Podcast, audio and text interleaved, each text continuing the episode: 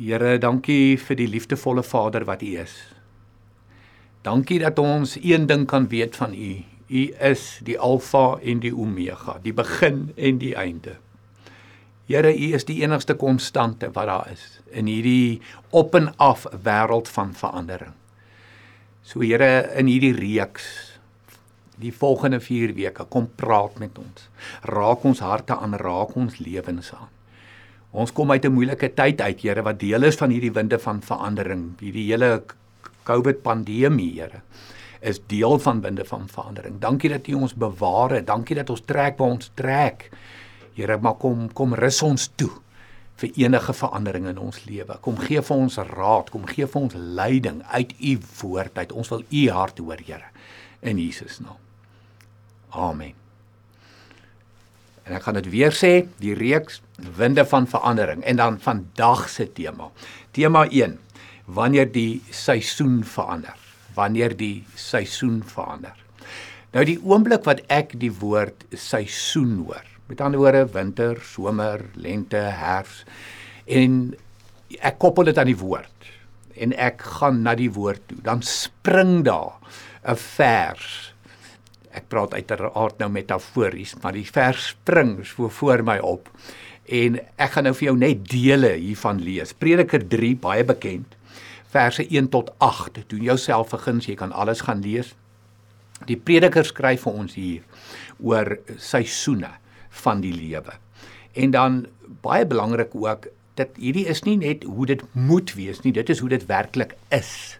Dit, is 'n stuk werklikheid. So lees saam met my, lees saam met my. Elke ding het sy vaste tyd. Elke ding in hierdie wêreld het sy tyd. Daar is 'n tyd om gebore te word. 'n Tyd om te sterwe. 'n Tyd om te plant. 'n Tyd om plante uit te trek. 'n Tyd om af te breek. 'n Tyd om te bou. 'n Tyd om te huil. 'n Tyd om te lag, 'n tyd om te treur, 'n tyd om van blydskap te dans, 'n tyd om klippe weg te gooi, 'n tyd om hulle bymekaar te maak, 'n tyd om te omhels, 'n tyd om weg te bly van omhelsing af, 'n tyd om aan te skaf, 'n tyd om te laat wegraak, 'n tyd om te spaar, 'n tyd om weg te gooi. So ek sê ek het net sekere dele in hierdie 8 verse nou vir jou gelees. Ehm um, terwyl van ons terwyl van ons tyd, maar gaan lees gerus Prediker 3 vers 1 tot 8 en jy kom agter dat God is 'n God van seisoene. En ek dink nie ek hoef te veel hieroor uit te wy in terme van jou eie lewe nie. Winter, jy het dit al beleef. Somer, jy het dit al beleef. Sonskyn. Lente, bloeiseltyd, jy het dit al beleef. Herfs, dinge wat so bietjie dor raak, blare wat afval van die boom af, jy dit al ervaar op verskillende praktiese maniere in jou lewe. As ek dink aan my eie lewe om so bietjie persoonlik te raak, as ek terugdink aan my laerskooljare, die seisoen van my laerskooljare. Kan jy glo ek kan ek kan baie daarvan onthou. Willem Postma Laerskool Bloemfontein. Possies soos hulle vandag nog bekend staan. Die koor en die tennis en die akademie en die menere en die juffrouens. Ek kan ek kan vir jou fyn detail beskryf. En toe ek aanbeweeg in 'n volgende seisoen in. Dan Pinaar Hoërskool in Bloemfontein waar ek groot geword het met die pragtige blou kleure. Later saamgesmelt na my skooljare met Sentraal Hoërskool en die al die al die wonderlike hoogtepunte weer daar ook wonderlike onderwysers, wonderlike vriende. Ek ek is vandag nog kontak met baie van my hoërskoolvriende. Wonderlike tyd in my lewe. Toe sit universiteit toe. Ek raak al hoe meer opgewonde oor hierdie verskillende seisoene in my lewe. As ek dink hoeveel lewenslange vriende ek daar gemaak het ehm um, hoe hard 'n mens gewerk het met tye, hoe hard jy gespeel het met tye. Ehm um, te lekker. En en daarna was dit en o, natuurlik universiteit waar ek my vrou ontmoet het, 'n blind date van alle dinge waar ek vir Helena ontmoet het. En die blinde datum soos ek dit altyd noem, het toe gewerk. Ons is 37 jaar getroud al. Ehm um, en toe die werk, my eerste werk, sal ek nooit vergeet nie, Ontwikkelingsbank van Suider-Afrika, daardie tyd nog in Sandton gewees en toe later verloof aan Helena, my my blinde datum en toe later getroud. En kinders, nou kan ek weer dink aan my kinders se seisoene in in in die seisoene in ons lewe wat ons met hulle laerskooljare deurgegaan het. Da, daarvan was dit nou die meeste in Pretoria gewees. Dit was dit was um, hier in Centurion gewees en en daar aan die ooste kant van Pretoria sekere dele van hulle skoolloopbane gewees. En hoe hulle later uit die huis uit is en ons getrek het en kleiner gegaan het en in in in hoop van werk verander het. Ek is ek is iemand wat wat wat nogal baie stabiel was wat dit aanbetref. Ehm um, van die ontwikkelingsbank was ek was ek by 'n uh, universiteit 'n dosent gewees en van daar af was ek 14 jaar in 'n in 'n in 'n gemeente gewees en en van daar af dit wat ek nou doen ehm um, Vita Amp en hoor die seisoene hoor die seisoene en daar's so 'n stuk normaliteit in seisoene want ons dien 'n God wat werk in seisoene wat beteken dat verandering is 'n belangrike deel van die lewe Nou daar's baie min aannames wat jy kan maak oor die lewe. Die absolute waarhede vandag is is is baie skaars. Maar ek wil begin met 'n absolute waarheid. Wat niemand anders my sal eers 'n halwe millimeter op laat compromise nie. Nie 'n halwe millimeter sal ek hierop enigsins toegee of buig nie. En dit is Jesus as die weg, die waarheid en die lewe. Jesus aan 'n kruis en Jesus die een wat opgestaan het uit die graf. Dis 'n absolute waarheid. Dit is dit wat my identiteit gee en wat jou identiteit gee. En en dit is so verskriklik verskriklik belangrik. Hoe klink die volgende aanname vir jou? Die lewe is onregverdig. Is dit nie iets wat ons maar ons kinders moet leer van kleins af nie? In plaas van hulle elke keer te probeer red wanneer die lewe onregverdig is, vir hulle eerder leer hoe om onregverdigheid te hanteer nie, want dit is 'n aanname in die lewe. Hoe klink die volgende een vir jou? Die lewe is uitdagend. Ek dink jy het baie stories wat jy vir my kan vertel en ek het baie stories wat ek vir jou kan vertel rondom die lewe is uitdagend. En dan, en dis waarby ek wil kom, dis waarmee ons nou besig is in hierdie reeks en spesifiek dan ook vandag. Verandering is 'n gegewe in hierdie lewe. 'n aanname van die lewe is daar gaan verandering wees. En ons ons sien dit daagliks, ons beleef dit daagliks. En dit is 'n stuk normaliteit in ons lewe. En uit dit wil ek vir jou twee baie belangrike vrae vra. Het jy al ooit gedink hoe gevaarlik 'n gemaksone kan raak of hoe gevaarlik 'n gemaksone kan wees? Gemaksone is 'n lekker plek. Kom ons sê dit vir mekaar. Dis gerieflik. Jy voel half gefestig daar. Jy voel of jy jou wortels ingeslaan het daar en hier wil ek wees en hier wil ek bly en hier voel ek veilig. Maar dit kan dalk net wees dat jy die Here se stem is in 'n gemaksone. So baie mense het so baie wonderlike aanhalinge al geskryf oor gemaksones van weet jy wat die opwindende goed in die lewe gebeur altyd buite jou gemaksone. Die regte goed die Here se wil baie keer vir mense lewe gebeur buite jou gemaksone.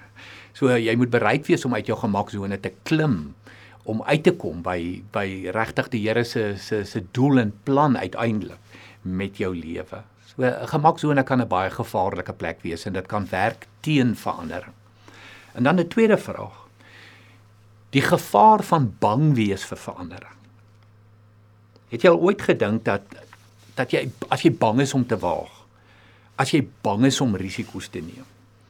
As die Here met jou praat en jy sê nee Here, nee Here, uh, nie nou nie Here, my gemaksone is te lekker. Ek is ek is bang vir verandering Here. Wat as? Wat as? En uh, verstaan my nie verkeerd nie asseblief. Dis goed om te beplan, dis goed om strategies te werk, dis goed om strategies te dink. Dis goed om om nigter te dink, maar as die Here praat, dan moet jy sy stem hoor. Wanneer die vrede van Christus jou lei, dan dan dan moet jy gehoorsaam wees. En dit vat jou na 'n dieper vertroue toe. Dit vat jou na 'n 'n roekelose vertroue. En ek dink dis waar die Here elkeen van ons wil hê. So hierdie vraag, die gevaar van bang wees vir verandering. Is 'n baie baie belangrike vraag. Ek dink regtig ons moet ons moet erns maak hiermee. Verandering is vir min van ons lekker. Daar was baie verandering in my lewe drastiese dramatiese verandering en ek was met tye bang gewees. Maar ek het elke keer vir die Here gesê ja. Ja, Here. Help my met die bang, help my in my bang, Help my in my onsekerheid, maar die die antwoord is ja. Ek gaan uit my gemaksone kom. Ek wil u dieper vertrou. Ek wil in 'n dieper verhouding met u wees en leef. So ek gaan die risiko vat. Ek gaan waag omdat ek glo dis wat u vir my sê. Dis wat u vir my wys. En wat ek nou gaan doen, nou gaan ons direk woord toe. Naas prediker wat soos ek vir jou net al gesê het wat so opspring by hierdie woordskap wil ek jou na vier Bybelfigure toe vat. En daar's so baie daar's baie baie meer. So ek moes regtig gaan mooi sit by die Here en om die vier te kies wat ek met jou oor gaan praat vandag. En die eerste ene lees ons van baie bekend is Petrus en ek wil vir jou lees in Matteus 4 vers 18 tot 20 Eendag toe Jesus langs die see van Galilea loop, sien hy twee broers, Simon wat ook Petrus genoem word en sy broer Andreas. Hulle was besig om 'n werknet in die see uit te gooi, want hulle was vissers van beroep. Hierdie is baie belangrik. Dis hulle beroep, dis hulle brood en botter. Dit is waarmee hulle kos en klere koop. Hulle is vissers van beroep. Hy sê toe vir hulle: "Kom hier hoor die uitnodiging, kom hier. Kom saam met my en ek sal julle vissers van mense maak. Hulle dadelik die nette gelos. Belangrike woord. Dadelik vertrou. Dadelik na hierdie stem geluister en hom gevolg. Waarna toe? Op daardie stadium het hulle nie geweet nie. Hoor die risiko. Hoor die waagstuk van 'n dieper vertroue. Hoor die dramatiese drastiese verandering. Jy's 'n visserman van beroep. Dis jou kos, dis jou klere, dit is jou dit is jou sekuriteit. Gee dit prys en stap agter my aan. En dadelik doen hulle dit. Nou mense, Petrus as hy mag geweet het, as hy mag geweet het. En dit is dit is hier waar die, waar ons bang baie keer inkom. En ek sê altyd, weet jy wat? Raak rustig oor die oor die bang. Ehm um, ek kan jou van baie bang tye in my lewe vertel. Die ja, Here, is die belangrike gedeelte. Dit wat voor lê bly onseker want want die Here se stem is een van agter my aan, agter my aan. Ek stuur jou na sekere plekke toe of ek stuur jou in 'n sekere rigting in. Ehm um, hoe dit gaan uitspeel, weet jy nie op daai stadium nie en dis dieselfde met Petrus. Nou ek het sommer so so 'n klomp momente in Petrus se lewe eh, gaan neerskryf. Onthou jy toe hy die soldaat se oor afgekap het? driftige Petrus wat nou agter Jesus aangaan, wat vissers van mense maak. En Jesus hierdie oorvat en die soldaat so oor terugsit. Onthou jy toe Petrus vir Jesus verloon het?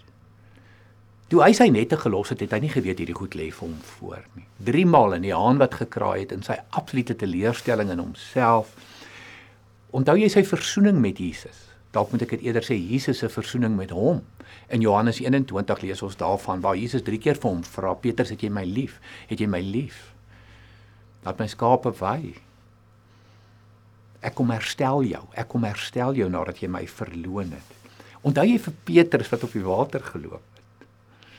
Jesus in die oë gekyk het en op water geloop het. En toe hy sy oog afhaal en en sy oog op die storm sit, toe hy gesink het en Jesus sy hand uitgesteek het. 'n God wat vertrou kan word. Ons kan waag en risiko's neem wanneer dit kom by verandering, solank die verandering die Here se stem is wat vir ons sê beweeg. En uiteindelik Petrus wat een van die hoofrolspelers in die kerk word. Dit is geweldig. As ek jou na Handelinge toe vat, jy ken daardie gedeelte waar hy hierdie kragtige preek lewer waar daar 1000 mense tot bekering kom, waar 3000 mense tot die gemeente gevoeg word. Maar hoor die opwindende reis wat Petrus agter Jesus aanvat, soos hy agter Jesus aanloop. En hy het niks van hierdie goed geweet. Toe die Here vir hom gesê het: "Weet jy wat? Los die vissers net. Ek gaan jou visser van mense maak nie." So hoor weer van waar na waar vat die Here hom met hierdie verandering. En hier het hy nie geweet waartoe hy op pad nie. Hy het net vertrou, vertrou in sy verandering.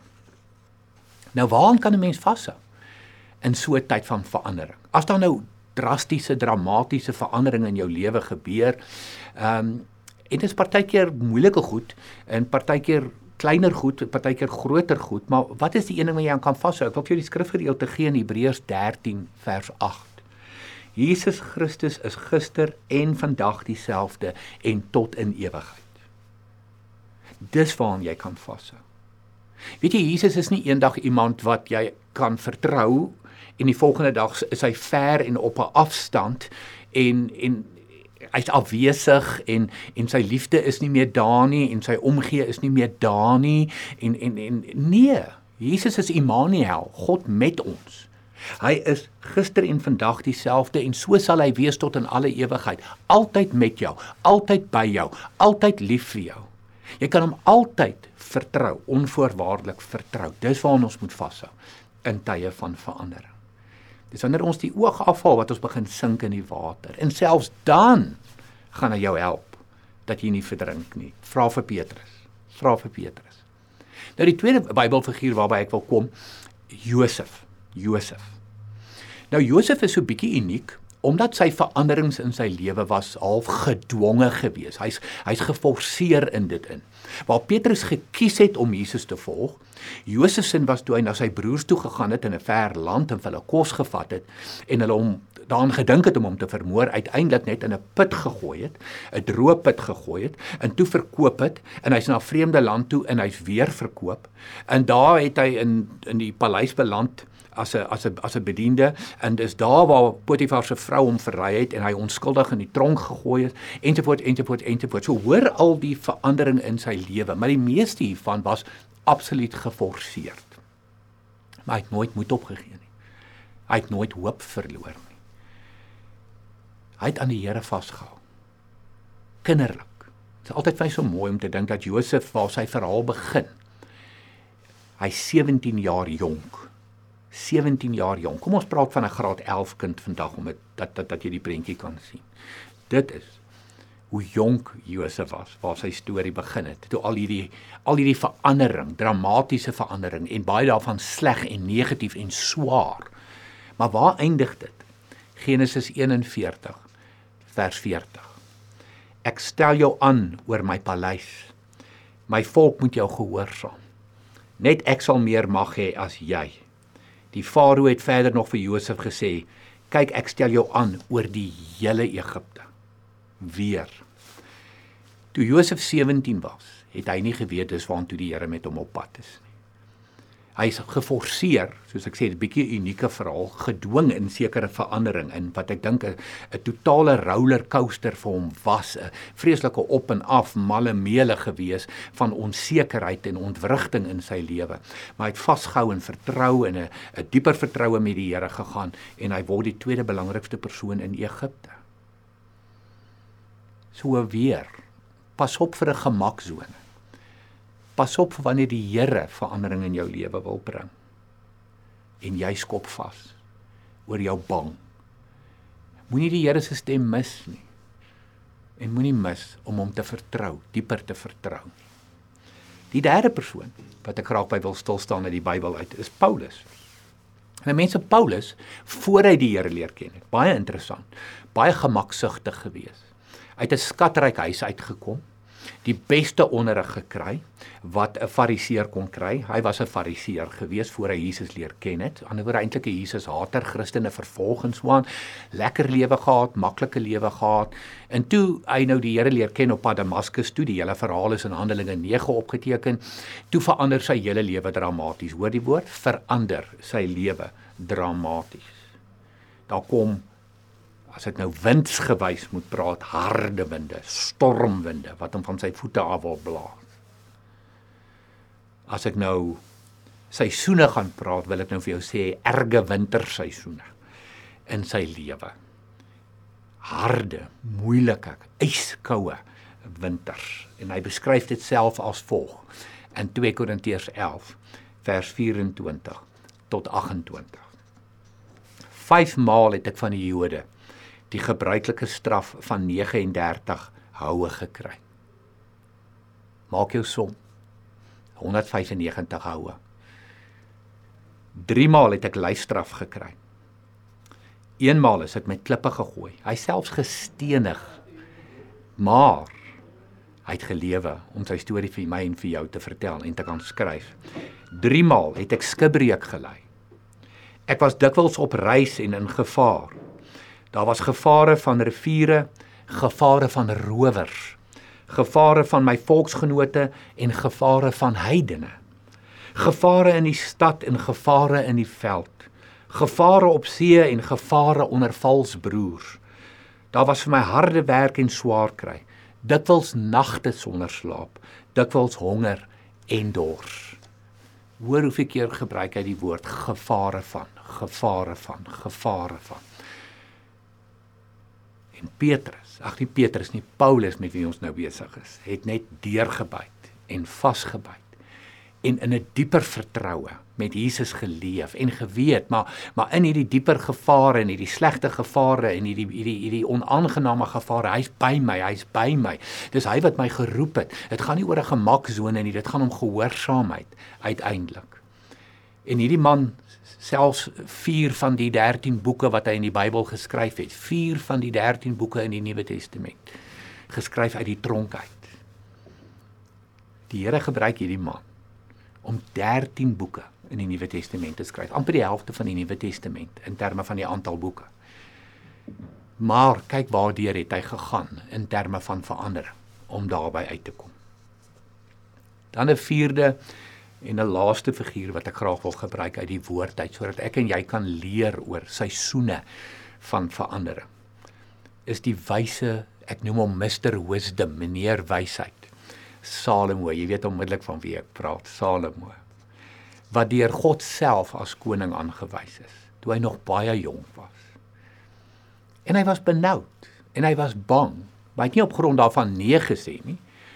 Hy het gekies vir daai dieper vertroue. Hy het gekies vir die ja vir hierdie verandering in sy lewe. Maar dit het nie die benoud en die bang weggevat nie. So asseblief, hoor mooi, ek wil dit ek wil dit oor en oor sê. Uh die benoud, die bang is nie 'n teken van ongeloof of 'n gebrek aan vertroue nie. Dit is omdat ek nie weet wat lê vir my voor nie. Omdat ek so bietjie benoud is, Here, ek is nog jonk en nou kom wys U my as koning aan. Kom ek lees vir jou 1 Konings 3 vers 5.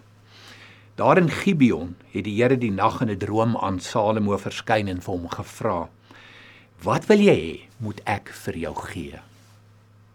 En dan in verse 7 en 9 lees jy die volgende van 1 Konings 3. Here my God, U het my koning gemaak in my vader Dawid se plek. Maar ek is nog jonk en onervare. Gee my die gehoorsaamheid aan U. Daar's die kern. Gee my die gehoorsaamheid aan U, daardie dieper vertroue, Here, dat ek U volk reg sal regeer en in, in, in alles insig sal hê want wie kan uit homself hierdie groot volk van u regeer?